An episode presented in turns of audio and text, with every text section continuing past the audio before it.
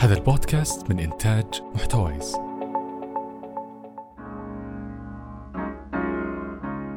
قضينا تسع أشهر مع رحلة طويلة في الموسم الأول متنقلين بين الذكاء الاصطناعي والأمن السيبراني وعرفنا إيش يتنبأ لنا المستقبل مع كل هالتقنيات الموجودة من حولنا بمشاركة ضيوف مختصين. شكرا لكم شكرا لمشاركاتكم وتعليقاتكم واللي هي حافز لنا حتى نكمل هذا البودكاست الموسم جديد. وهنا يبدأ موسمنا الجديد مع أول حلقة. أنا خالد قنيعة وهذا بودكاست فصول محتوايز قبل لا نبدأ حابين نذكر أنه هذه الحلقة برعاية السي سي بي السي سي بي هو تطبيق من خلاله تقدر تدفع لأكثر من 40 ألف فرع أو محل في المملكة.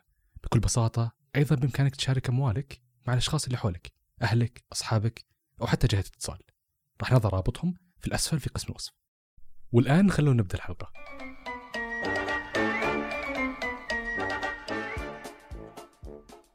يوم بلا ضحك هو يوم ضائع. قالها تشارلي تشابلن الممثل الصامت واللي أضحك ملايين من المشاهدين. من يتخيل أنه يتابع فيلم بدون حوارات وخصوصا فيلم كوميدي. الممثل تشارلي امتلك موهبة صنعت منه أيقونة للسينما الصامتة ولقبوه بسيد الشاشة الصامتة. كانت طفولته سيئة جدا عانى بعد انفصال أهله. عاش مع أمه في فقر جدا شديد وبعد ما خسرت أمه العمل اضطرت السلطات أنها تاخذ تشارلي يعيش في ملجأ الفقراء. تشارلي افتقر لحياة الرفاهية والمتعة وانعكس هذا الفقد على أعمال الكوميدية حتى. أعمال الكوميدية اللي صنعها من حركات ومشاهد بدون حرف واحد. هذه القدرة اللي وصل لها تشارلي في الأداء والتمثيل ميزته عن أي ممثل وصل لمرحلة من الإبداع. واللي ببساطة زي ما يقولون الخروج عن مألوف. والله هو يعني مسألة إبداع هذه مسألة شائكة. يعني الإبداع صار أسلوب حياة. لما تجلس تدرس أربع سنوات في مجال لازم تقريبا يوميا تطلع فكرة جديدة ومبدعة. التقينا بفتون ومشاري من شباب المبدعين في مجالاتهم. أنا اسمي فتون عمري 24 سنة. أه، تخرجت من كلية تصاميم وفنون في جامعة أميرة نورة. فتون فنانة تشكيلية تخصصها فنون بصرية لقت إبداعها بين الفرش والألواح. مشاري هذا واحد صانع محتوى في ال social media في الإعلام بصفة عامة. فأنتج فيديوهات إعلانات. نخرج أفكار. مشاري صانع محتوى في مجال الإعلام ينتج إعلانات ويخرج فيديوهات. ومن خلال هذه البرامج قدرت إني أتعرف على أشياء كثيرة ما كنت يعني ما كنت شايفتها من قبل أو ما اكتشفتها من قبل. آه، زي مثلا الريادة الأعمال الريادية الأعمال المجتمع. حتى خدمة الشباب كأنا كشابة كيف أقدر أخدم الشباب اللي موجودين في المجتمع؟ فتون مو بس فنانة لكن هي كمان داعمة للفنانين الشباب. وزي ما بدأنا السؤال اللي أول حلقة قلناه هل أنت شخص مبدع؟ إيه أعتبر نفسي شخص مبدع لأنه صار بالنسبة لي زي يعني الإبداع صار أسلوب حياة. لما تجلس تدرس أربع سنوات في مجال لازم تقريبا يوميا تطلع فكرة جديدة ومبدعة خاص صار أسلوب حياة. يعني صار بشكل بدون بدون ما أحاول تطلع أفكار. دايما لما أسمع كلمة الإبداع يجي ببالي على طول صور لوحات في معرض أو رجل آلي يمشي. ولما أفكر بأشخاص مبدعين بديهي بتذكر مين؟ ستيف جوبز، أينشتاين ولا نيوتن. وأغلب المخترعين اللي يعرفهم التاريخ. بس طيب إيش هو الإبداع؟ الإبداع يجي بكل مكان وعلى هيئات كثيرة لكن نقدر نلقى وجه التشابه بين المخترع والرسام وغيرهم. والتشابه بكل بساطة أن الإبداع عندهم هي القدرة على تجاوز التفكير أو الأداء التقليدي. طيب إذا تجاوزوه إيش يعملون؟ بكل بساطة استبداله بأفكار وطرق جديدة ومبتكرة في أي مجال كانت. إن لم تجعل أفكارك واقعا فأنت مجرد شخص واسع الخيال. متى نقول أننا ننتج أعمال إبداعية؟ مسألة إبداع هذه مسألة شائكة. لكن بالنسبة لي أنا اللي عامله والأسلوب اللي أتبع فيه في إنتاج الفيديوهات هو إني أسوي الشيء اللي أنا أبغاه والشيء اللي أشوفه من منظوري كويس. فدائما عندي مشكلة بسيطة تواجهني مع أغلب العملاء إنه هو يقول على طلب العميل. هو يطلب حاجة معينة ويبغاك تسوي نفس ما هي. فهذه هي المشكلة دائما تواجهني على أساس إن العمل يكون مبدع خلني أسوي اللي أنا أشوفه صحيح. ما أدري إذا هو صح أو خطأ لكن من وجهة نظري إن هذا هو الشيء اللي أنا أتوقع راح أعطيك إياه بشكل مبدع وبشكل كامل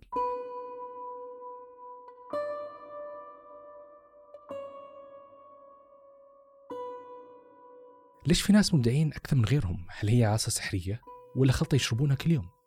كلنا بصورة عفوية كل يوم نبتكر أشياء جديدة من خلال ممارسة حياتنا مثلا لو طبخت طبخة على العشاء أو صورت شكل غروب ونزلتها على سناب كل هذه الأشياء البسيطة تسمى إبداع صغير ويومي على عكس الإبداع الكبير اللي نشوفه بالناس المبدعة مثل الرسامين والكتاب والمخترعين.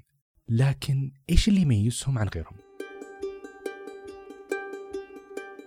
طيب الحين أبيك تركز معي. علميا في الدماغ في مناطق مسؤولة عن الإبداع. هو خليط بين التفكير التلقائي والتفكير المنضبط ويتكون جزء الإبداع في الدماغ من ثلاثة أنظمة. أولهم الشبكة الغيابية. الثاني هي شبكة التحكم التنفيذي وثالثا وأخيرا هي شبكة الوثب أو البارزة بقولها جملة جملة الشبكة الغيابية النوع الأول هي شبكة العصف الذهن أو السرحان لما نحلم بأحلام يقظة ونتخيل أمور مو واقعية أو حتى لما نفكر بحل مشكلة تمام؟ طيب الثانية شبكة التحكم التنفيذي زي اسمها تنفيذي فهي مسؤولة عن تقييم كل الأفكار اللي تخيلناها وتساؤلها هل راح تنجح؟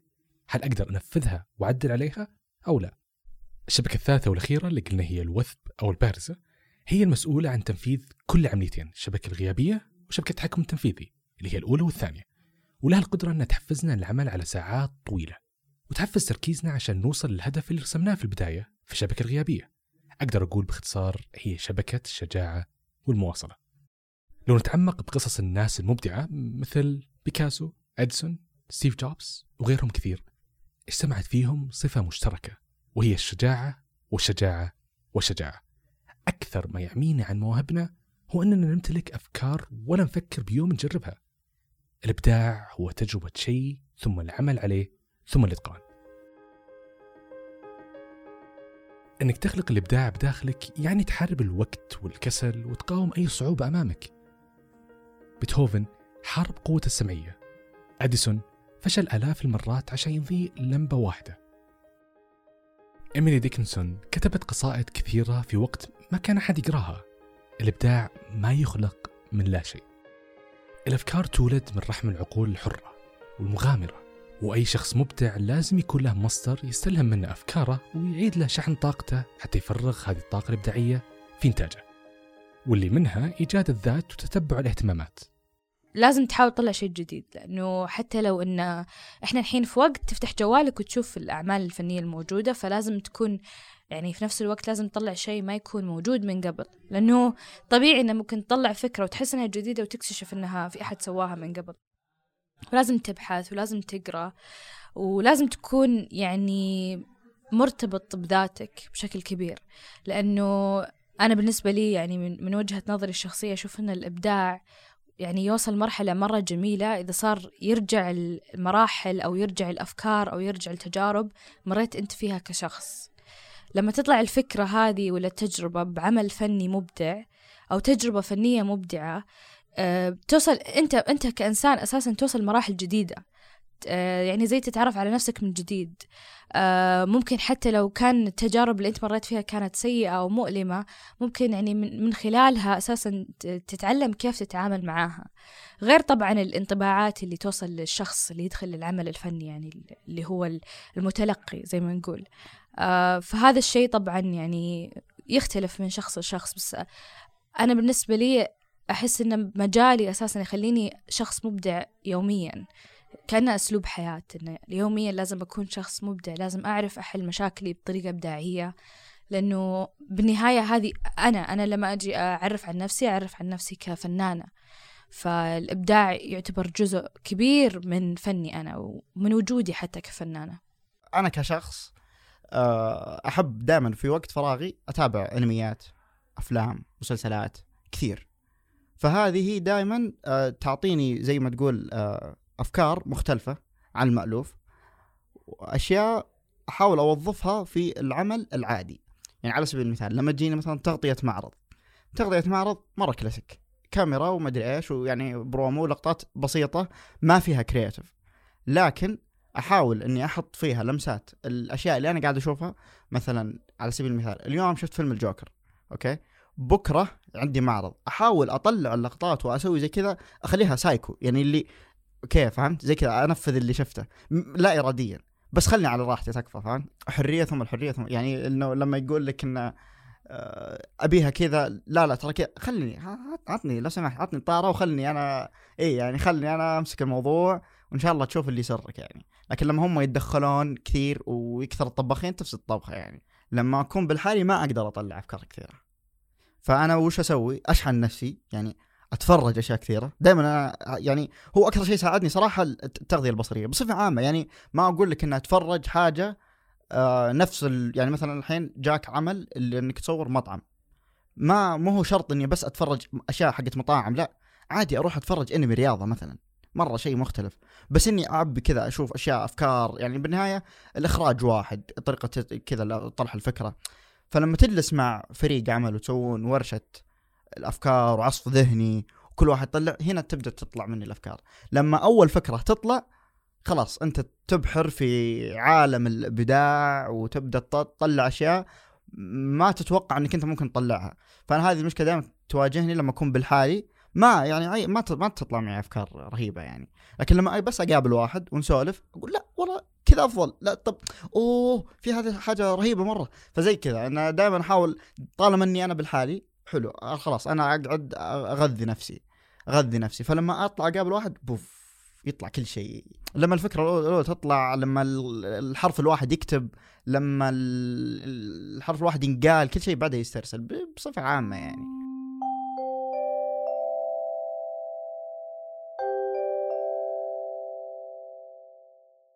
دائما أفكر هل أقدر أغير العالم؟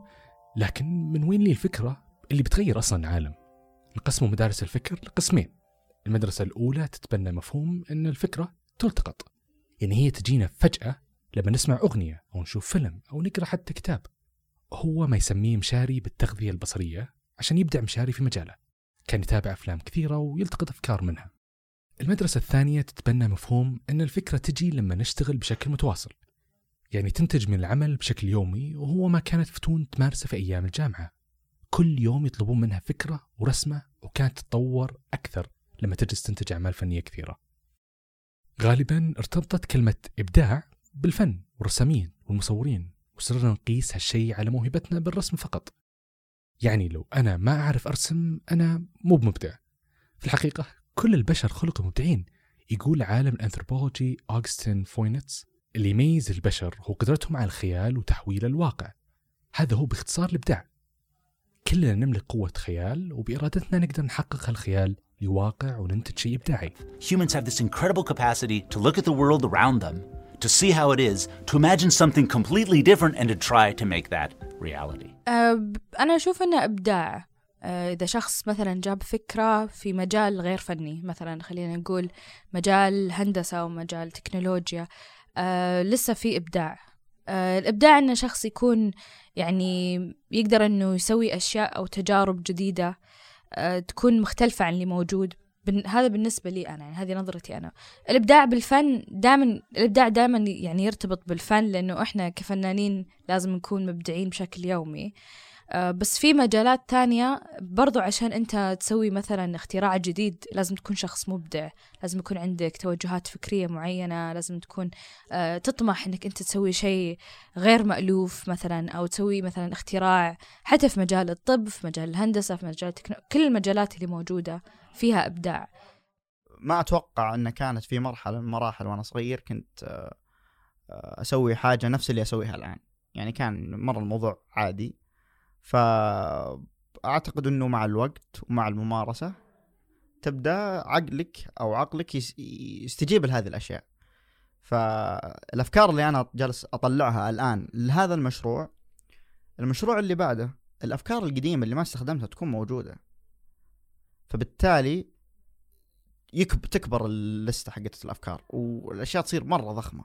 فكذا يعني مو شرط إنك تطلع يعني في مثلا مشروع معين أنت طلعت فيه ثلاث أفكار. هذه الثلاث أفكار تقدر تستخدمها ثلاث مشاريع بعدها.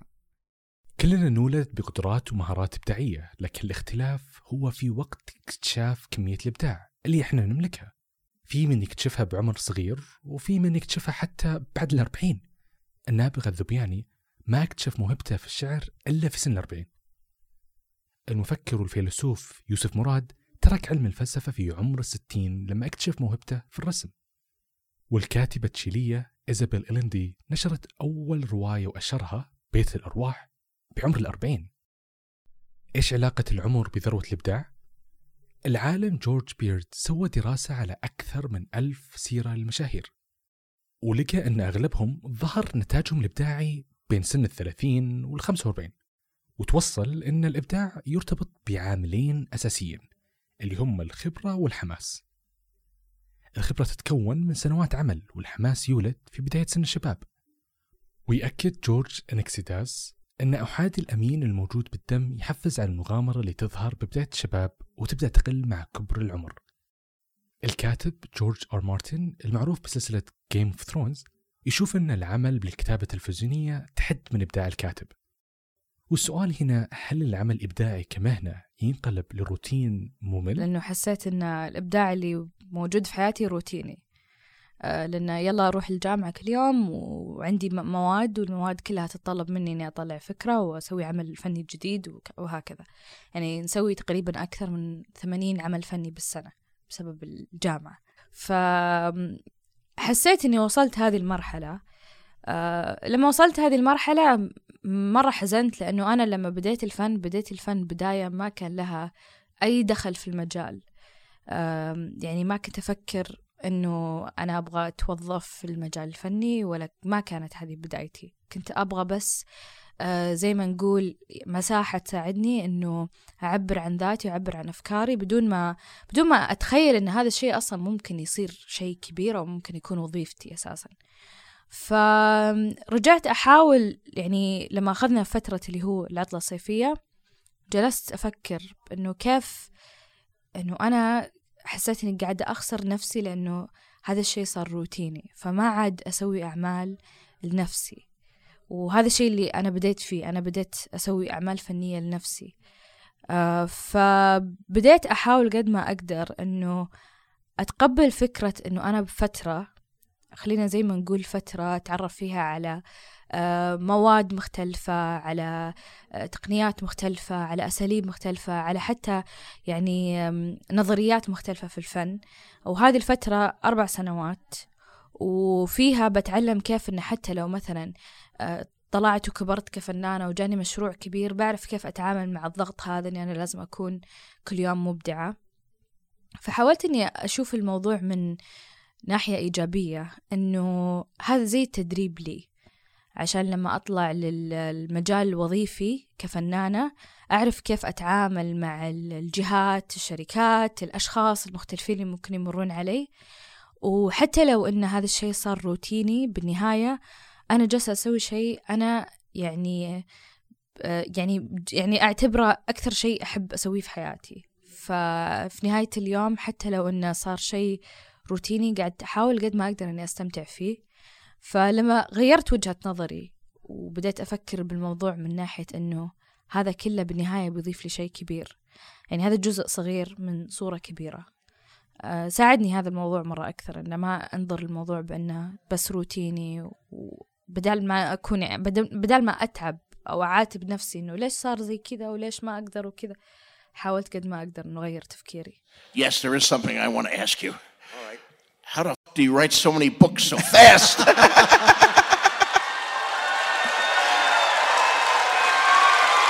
I think, oh, uh, I've had a really good six months. I've written three chapters, and you've you've Yeah, finished but- three books in that time. زي ما ذكرنا جورج يشوف أن العمل يحد من الإبداع والإنتاجية وكان عنده فضول يعرف إيش سر الكاتب ستيفن كينج كيف يقدر يكتب ثلاث كتب في ستة أشهر فقط هل كان يجلس ويكتب في المقاهي مثل ما نشوف في Java Time؟ ستيفن جاوب أنه يحاول يكثف عمله يوميا يكتب ستة صفحات لمدة ثلاث إلى أربع ساعات والسر في استمرارية إنتاج الإبداع عادة يكون من روتين يومي منضبط لكن هل تسليم الواجبات والمشاريع في وقت محدد والانضباط في وقت معين بحصص الدراسة يأثر على إبداعنا؟ آه هذا السؤال مرة حلو ومرة يخوف لأني أنا الحين في هذه المرحلة يعني في الشفت اللي جالسة أحاول آه أعرف بالضبط كيف بمشي. بس آه في شيء يعني أنا أحس بديت فيه تقريبا من سبتمبر اللي هو آه خصصت وقت. فطول الأسبوع مثلا طبعا الحين غير شوي لأنه ما عندي ما عندي شيء الآن مدة أسبوعين قدام ما عندي أي شيء. فأخصص أيام في الأسبوع. أعتبرها كأنها دوام. آه لازم إذا جاء هذا الوقت أروح أشتغل على الأعمال على الأفكار اللي موجودة عندي على المعارض اللي أبغى أقدم عليها. فلما خصصت وقت خلاص صار في عندي زي النظام. آه مثلا يوم السبت من الساعة 9 الصباح إلى الساعة 3 العصر هذا وقت أجلس أبحث فيه عن معارض أقدم عليها. آه مثلا يوم ال- الاثنين من الساعة خلينا نقول 3 العصر إلى الساعة 9 بالليل أجلس أشتغل على رسومات تخطيطية الأعمال ممكن أقدم عليها. إيش هي نصيحة الكاتب نجيب محفوظ للروتين والإبداع؟ الكتابة يجب تكون بين أربعة وسبعة. بالتعود بقت تيجي وبقت النشوة تيجي. ده زي إيه؟ لما تعود نفسك إن الغدا الساعة 2 2 إلا ربع تلاقي روحك هتموت من جوع. إيه، خطأ إنك تظن إني بكتب حتى وأنا أنا نفسي مش في الكتابة. ما حصلش. الرغبة دخلت التنظيم فبقت تيجي في وقتها. يتولد الإبداع من ممارسة أنشطة ذهنية مثل التفكير بطريقة عكسية وسهلة جدا. مثلا حنا نروح الجامعة عشان ندرس. طيب ليش ما الجامعة تجينا بالبيت؟ وصارت الآن المحاضرات والدراسة عن بعد. أو لو كنت شخص دايم يجمع الإيجابيات عشان ينتج أفكار. جرب تجمع السلبيات ومنها تبتكر فكرة إبداعية لكل مشاكل اللي تواجهك. مثلا أنت تشتغل في مجال خدمة العملاء وتبي أفكار جديدة عشان تحسن من تقديم الخدمات. فكر بالسلبيات اللي ممكن تسيء العميل أثناء خدمته ومنها راح تبتكر طرق جديدة من تحسين خدمة العملاء. جلسات العصف الذهني من الطرق اللي تسويها كثير من الشركات حتى تجيب أفكار جديدة يجتمعون أعضاء الشركة عليها ويطرحون أفكار مختلفة بدون تقييم وبعدها يجمعون الأفكار الممكنة ويقيمونها والفكرة تولد فكرة. الإبداع ما له حدود ولا عمر ويموت. دع الأفكار تأخذ مجراها وهي تجيك. وانت ما تدري. ولكن في حالة ما جتك عط الوقت كله. له يعني نفترض إنه الآن جتني فكرة. خلاص أوقفل كل شيء عندي وأبدأ أكتب. أخلص الموضوع. فهي زي كذا. مو إني أنا الآن أجلس عشان أطلع الفكرة. ما عيد تضبط معي. في ناس أتوقع يقدرون بس أنا بالنسبة لي ما قدرت. إنه كيف أطلع فكرة؟ وأحيانا تجي يعني أشوف إعلان المعرض ويكون المعرض مرة يح يعني مرة يحمس و... ويكون من جهة مرة كويسة. لكن لما أجي أطلع فكرة ما تطلع الفكرة. بس في آه، طريقة أنا بديت أسويها مع نفسي. آم، أنا أحيانا ممكن تجيني فكرة. أنا أكون مثلا مسافرة أو شيء مو جالسة أسوي أي شيء له دخل في الفن. فجأة تجيني فكرة. آم، وأقوم أكتب الفكرة. فصرت أجمع الأفكار. لأن أنا ممكن تجيني فكرة قبل ما أنام وأقوم أكتب الفكرة. بعدين آخذ الفكرة هذه وأحولها لعمل فني.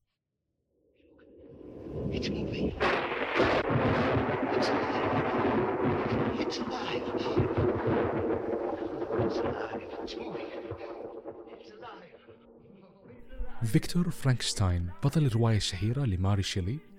فيكتور كان مهووس بالعلوم سافر لمدن كثيرة عشان يدرس العلوم. والهوس اللي كان يحمله السنوات خلاه يفكر يخلق إنسان حي جمع أعضاء البشرية وحاول بطرق علمية يخلق هالإنسان عن طريق صعقات البرق. واحدة من الجلسات التجريبية المخلوق هذا قام وبدأت بعدها أحداث الرواية. الرواية تم عمل لها أفلام كثيرة. صراحة القصة فيها رعب وحزن وأنا شخصيا تعاطفت مع المخلوق. فيكتور طارد هوسه وترك أهله عشان الدراسة والعلوم هل من الممكن الشخص المبدع يتخلى عن تخصص كان ناوي يدرسه أو وظيفة كان يحلم فيها؟ أنا أول ما تخرجت من الثانوي ما انقبلت في الجامعة فقلت بدال ما أضيع وقتي و يروح الوقت عبث خلني أدخل خلني أطور نفسي في مجال الإنتاج فصار صرت أكرف كثير ما يلقى وقت أكون ف... يعني حتى اللي يدرسون هم. بالنسبة لي أنت ما شاء الله عليك عندك وقت مرة كثير. لأن 24 ساعة بس حاول إنك تطور نفسك تشوف لك أي شيء في هذا المجال. فكان في وقت كثير كان في إي كان في عصف ذهني أفكار تطو... كل شيء تقدر تسويه. بعدين دخلت الجامعة بعد سنتين ثلاث سنوات. يوم دخلت الجامعة صار الموضوع شوي معقد لأنه تاخذ وقتك كثير. لما بديت في كلية آه، العلوم الطبية كنت قا- قاعدة أحاول قد ما أقدر إنه يكون عندي تجارب لها دخل بالفن يعني. حتى وأنا جالسة أدرس وحتى لو أنها كانت دراسة مرة صعبة في هذيك الجامعة وما كنت أساسا مبسوطة أو مرتاحة. أه بس حاولت قد ما أقدر ومن هذاك الوقت تقريبا من 2014 وأنا أقدم على معارض بشكل مستمر خارج الجامعة عشان أحاول قد ما أقدر أنه الشيء هذا اللي قاعد يخليني سعيدة يكون موجود في حياتي. حتى في هذيك الفترة أنه أنا مرة ما كنت مبسوطة في المجال اللي أنا كنت فيه. فبعد سنة ونص أنا قررت أني أترك كلية العلوم وجلست تقريبا ثمانية شهور. آه، جلست أشتغل على الأعمال حقتي وأحاول أطور من نفسي. بعدين قدمت على كلية تصاميم وفنون فأنا أساسا كنت داخل الكلية وأنا عندي عندي هذا يعني أنا كنت مرة أحب إني أكون شخص فعال. في المجتمع حتى في ذاك الوقت لما كانت المعارض مرة قليلة مقارنة بالحين كنت أحاول قد ما أقدر والحمد لله يعني هذا الشيء مرة ساعدني إنه آه، يعني حسيت حسيت إني بنيت لنفسي بناية صح. واجه التعليم الأكاديمي نقد حاد من المختصين ويشوفون أن التعليم الأكاديمي الزايد عن المطلوب يغرس كثير من الأفكار التقليدية في ذهن الطالب واللي في الحقيقة تشعره بالعجز في التجديد والابتكار. لكن في الحقيقة نقدر ندرس الإبداع.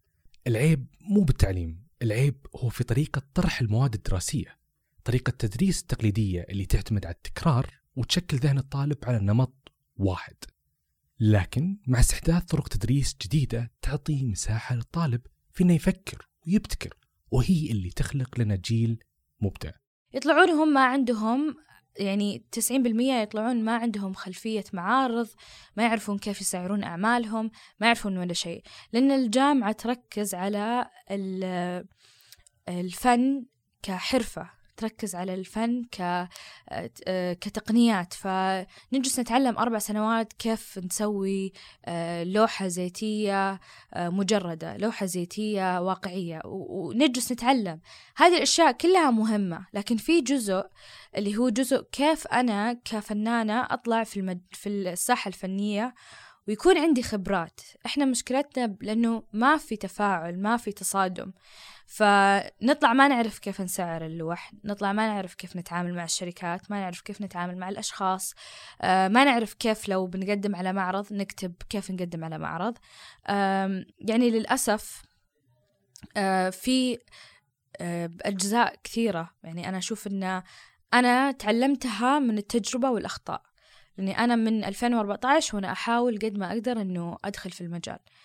لكن لو أنا ما ما حاولت بطلع وبغلط مرة كثير وممكن أسبب لنفسي مشاكل كثير. فإحنا عندنا عندنا المساحة ونتعلم الأشياء لكن ما نتعلم ال- الأشياء المه... اللي صدق فعلا لازم نتعلمها عشان نطلع. نطلع للساحة ونكون جاهزين. لا لأنه الجامعة حاجة حاجة تلقينية. يعني يزعلون علينا. يعني هم ما عندهم يعني أشوف إنه ما في أي عامل للإبداع. واحد زائد واحد يساوي اثنين صلى الله وبارك. حاجة تلقينية بحت. آه، حتى عامل الإبداع فيها إن وجد يوجد بشكل محدود. هم يعتقدون إنه إنه خلوك كذا على راحتك لكن هم معطينك قوا- قواعد مرة كثيرة. يعني يقول okay مثلا أنا قاعد أنا حاليا أدرس إعلام إلكتروني. الحاجة اللي أنا قاعد أمارسها. لكن أوريك الفرق. لما أنت لحالك تبغى تسوي لوجو تسوي أي شيء تبغاه بدون حرفيا ما عندك أي قواعد أنت تسوي اللي تبغاه. لكن لما تروح الجامعة ويجيك مثلا واجب يقول لك okay سوي اللوجو باللون الفلاني بالحجم الفلاني للشيء الفلاني. فأنت أصلا بعدين؟ تسووا عني خلاص أه، خلص كل شيء. إيه. فهنا اي يعني هو يعتقد إنه خلاك تمارس ويعتقد إنه خلاك تبدع لكن هو عطاك كل الشروط عباك شروط فهمت؟ الإبداع زي ما قلت موجود عند كل الناس. ما هو مقتصر على أشخاص معينين الإبداع عندنا كلنا لكن كل واحد وله طريقته في إظهار الإبداع في ناس ما يظهرونه بشكل جيد. الحاجة الأولى المطلوبة اللي هو إنك تكون حابه الشغلة سواء كان عمارة رسم تصوير إنتاج فيديو مدري إيش أهم شيء إنك أنت حاب اللي قاعد تسويه. فإذا ما حبيته ما راح تبدع فيه وإذا ما يعني سلسلة. أيوه ف... فأول شيء المهم إنك تكون حابه. إذا أنت حابه خلاص. الآن خلصنا من الحاجة الأولى. ننتقل بعدها اللي هي إنك لازم تدعم نفسك في آه، أمور آه، زي ما تقول آه، مثلا خلينا نضرب مثال على موضوع مثلا العمارة نطلع شوي نضرب مثال على موضوع العمارة. تشوف كيف تشوف مقاطع تشوف كيف يفكرون تشوف أبراج كيف تبنى تشوف تصاميم مختلفة. تنمي عندك حاسة الإبداع تنمي عندك الخروج عن المألوف. تنمي عندك التفكير خارج عن الدائرة اللي أنت فيها. خصوصا لما تشوف أشياء برا ما هي عندنا. ما هو عيب في عندنا لكن بس إن أنت قاعد تشوف أشياء مختلفة بس. ف... فأنت قاعد تدعم نفسك بصريا وذهنيا وأفكار خارجة عن الموجود اللي أنت فيه. ثم شيء ثالث ممارسه ثم والله لو تتفرج من اليوم لين بكرة بدون ما تمارس ما راح تسوي شيء. فلازم إنك تتعب وتمارس. وأول شيء بتسويه يعني بيطلع بايخ عادي ثاني مرة ثالث مرة عندك إلى ما لا نهايه جرب جرب جرب وحاول وافعل. تفشل ألف وبعدين تنجح يعني ما يمنع بالعكس. أتوقع أكثر شيء آه، يساعد على الإبداع أو ساعدني أنا بتكلم عن وجهة نظري الشخصية. الأهداف والقيم اللي موجودة عندي. آه، بغض النظر عن الفن أنا شخص يهمه مرة الثقافات وبالذات ثقافتي. آه، مو من نظرة إنه إحنا والله يعني مو مو من نظرة إنه خلينا نتكلم عن التغيرات والثقافات والأجيال المختلفة بس في شيء بالنسبة لي مرة مرة مهم. إنه أنا أحس إن في تفاصيل في ثقافتي وفي وجودي كفتون ما هي جالسة يعني ما هي جالسة تكون جزء من التاريخ. ما حد جالس يكتبها ما حد جالس يتكلم عنها ما حد جالس يعني ممكن تطلع بسالفة هنا وبسالفة هنا ممكن شخص يفتح موضوع ممكن يعني في أجزاء كثيرة من وجودي أنا ما أحس إنه جالس يعني ما حد جالس يعطيه حقه من ناحية وجوده كتاريخ. فأنا أشوف مثلا جدتي جدتي آه يعني عاشت فترة طويلة وعندها قصص كثيرة. وعندها يعني عادات وتقاليد خاصة فيها هي كبرت عليها آه، من أجيال مرت قبل. وهذه الأشياء أكيد إنها أثرت علي أنا لأن أنا علاقتي معها كويسة. فمن أبسط الأشياء اللي كانت تسويها معاي أحس إني أبغى أخذ كل هذه الأشياء اللي إحنا كنا نسويها وأكتبها بالتاريخ. بس أنا ما أنا مو بكاتبة أنا فنانة. فأنا أبغى من فني آه هذا الجزء أخليه موجود في التاريخ. لأن الأعمال الفنية تعلمنا كثير عن التاريخ. فحتى لو أنا يعني فنانة ناشئة ولسه في بداياتي أحاول قد ما أقدر إنه هذه القصص والعادات والأشياء اللي إحنا كنا نسويها ما تروح. في الختام إنك تكون مبدع يعني تحل المشاكل بطرق جديدة. يعني إنك تجد ذاتك يعني إنك تغير وجهة نظرك التقليدية إنك تكون مبدع يعني إنك تجد شغفك ورسالتك. إنك تكون مبدع يعني إنك تخاطر وتغامر وتواجه مخاوفك. وهذا يعني إنك تتحدى نفسك كل يوم. إنك تكون مبدع يعني إنك تفكر. أكيد إني ما أعرف الآن إيش هي موهبتك لكن اللي أعرفه أكيد إن اللي تسويه أنت شيء عظيم ومختلف. نتمنى أن الحلقة هذه عجبتكم. اكتبوا لنا انطباعاتكم في التعليقات ولا تنسوا تشاركوا الحلقة مع اللي تحبون. الأشخاص اللي تعتقدون أن عندهم إبداع كثير ويحتاجون يسمعون كيف يطلعونه. وكمان حابين نشكر راعي الحلقة SCB بإمكانك من خلال تطبيقهم أنك تدفع لأكثر من 40 ألف محل أو فرع حول المملكة. أيضا بإمكانك تحول فلوسك لأهلك أصحابك أو حتى جهة اتصال بشكل سريع وسهل. كل اللي عليك أنك تحمل التطبيق. راح نضع روابطه في الأسفل في قسم الوصف. يومكم سعيد. أنا خالد قنيعه